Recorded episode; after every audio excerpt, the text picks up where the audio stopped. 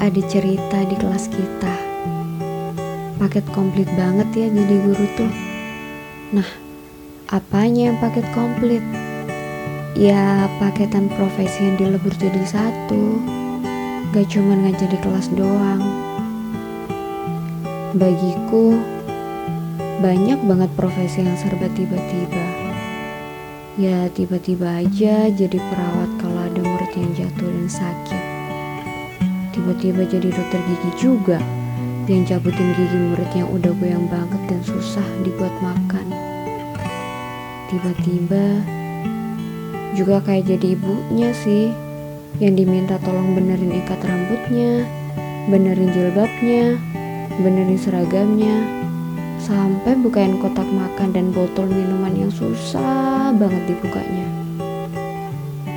Kadang juga tiba-tiba jadi tukang penjilitan buku kayak di toko fotokopi karena bukunya udah beredel ke mana-mana. Ah banyak deh yang serba tiba-tiba. Ternyata gini ya jadi guru, kudu multi talent yang dipaksa harus bisa apa pun. Banyak banget profesi yang tiba-tiba.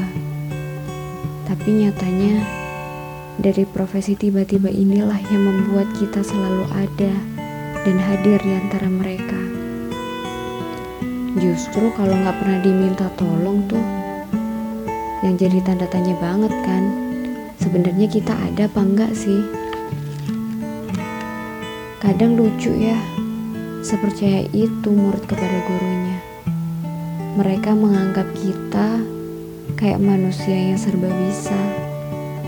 Gimana ya? Padahal sebenarnya kita juga manusia biasa. Berarti kita juga harus percaya bahwa mereka adalah murid yang luar biasa. Kita jadiin aja setiap pertemuan sebagai cerita di kelas kita.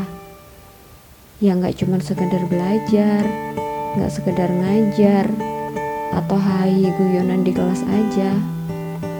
Tapi sebagai celengan cerita dan sebagai bukti bahwa kita pernah ada di ruang dan kisah yang sama. Udah, bismillahin aja. Mereka anak-anak kecil yang luar biasa yang selalu ada di setiap hari-hari kita.